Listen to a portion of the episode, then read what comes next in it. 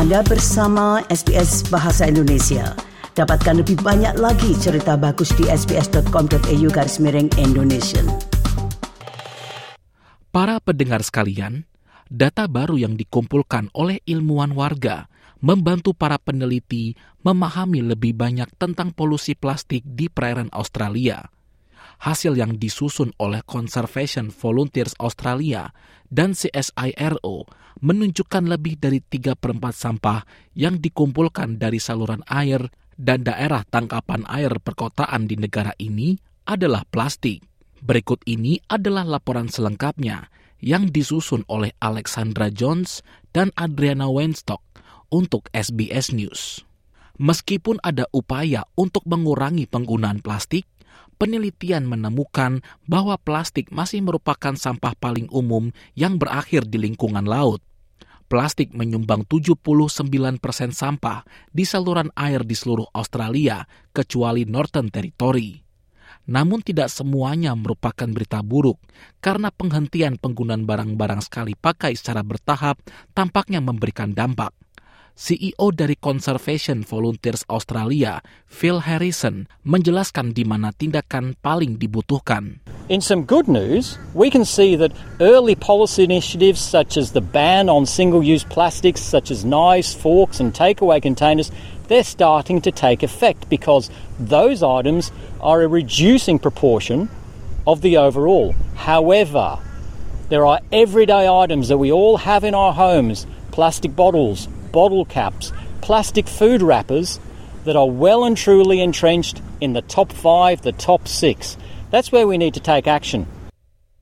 Temuan ini didasarkan pada sampah yang dikumpulkan oleh lebih dari 16.000 orang, 150 kelompok masyarakat, dan 50 perusahaan selama tiga tahun terakhir mereka telah terlibat dalam pengumpulan sampah dari sembilan saluran air dan daerah tangkapan air perkotaan besar yang mengairi Great Barrier Reef dan Southern Reef.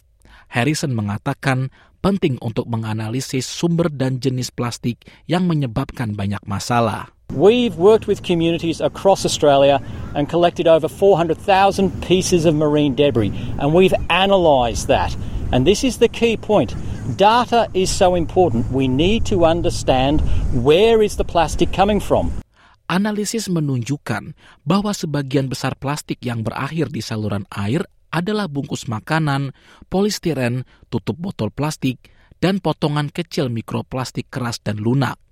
Para pegiat lingkungan hidup juga prihatin dengan putung rokok yang menyumbang 9% dari total sampah yang dikumpulkan oleh para sukarelawan.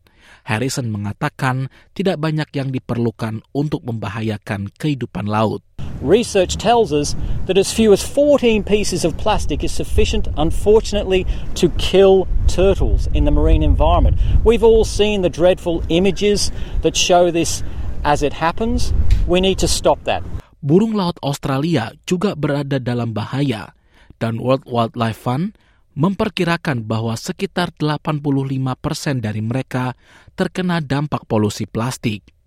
Relawan di seluruh negeri berpartisipasi dalam Hari Laut Sedunia Down Under yang pertama pada 24 Januari lalu, menjelang acara internasional yang akan diadakan pada tanggal 8 Juni relawan konservasi Australia berharap peluncuran ini dapat menginspirasi warga Australia untuk menjadikannya praktik selama setahun.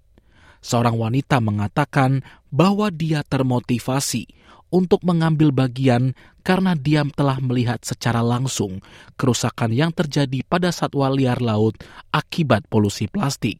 From being in a little turtle sanctuary a while back um, near New Caledonia, I learnt about how difficult it is for them to survive.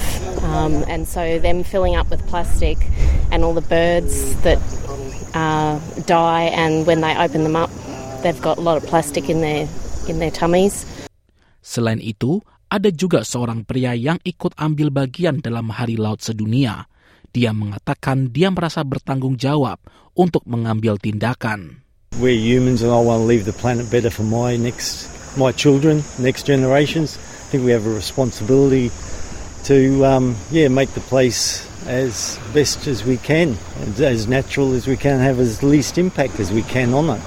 Analisis yang dilakukan oleh Conservation Volunteers Australia juga merinci proporsi polusi plastik di laut yang merupakan kontribusi utama ibu kota. Perth memiliki jumlah sampah plastik terendah, yaitu 61 persen. Di Sydney, angka ini menjadi 91 persen.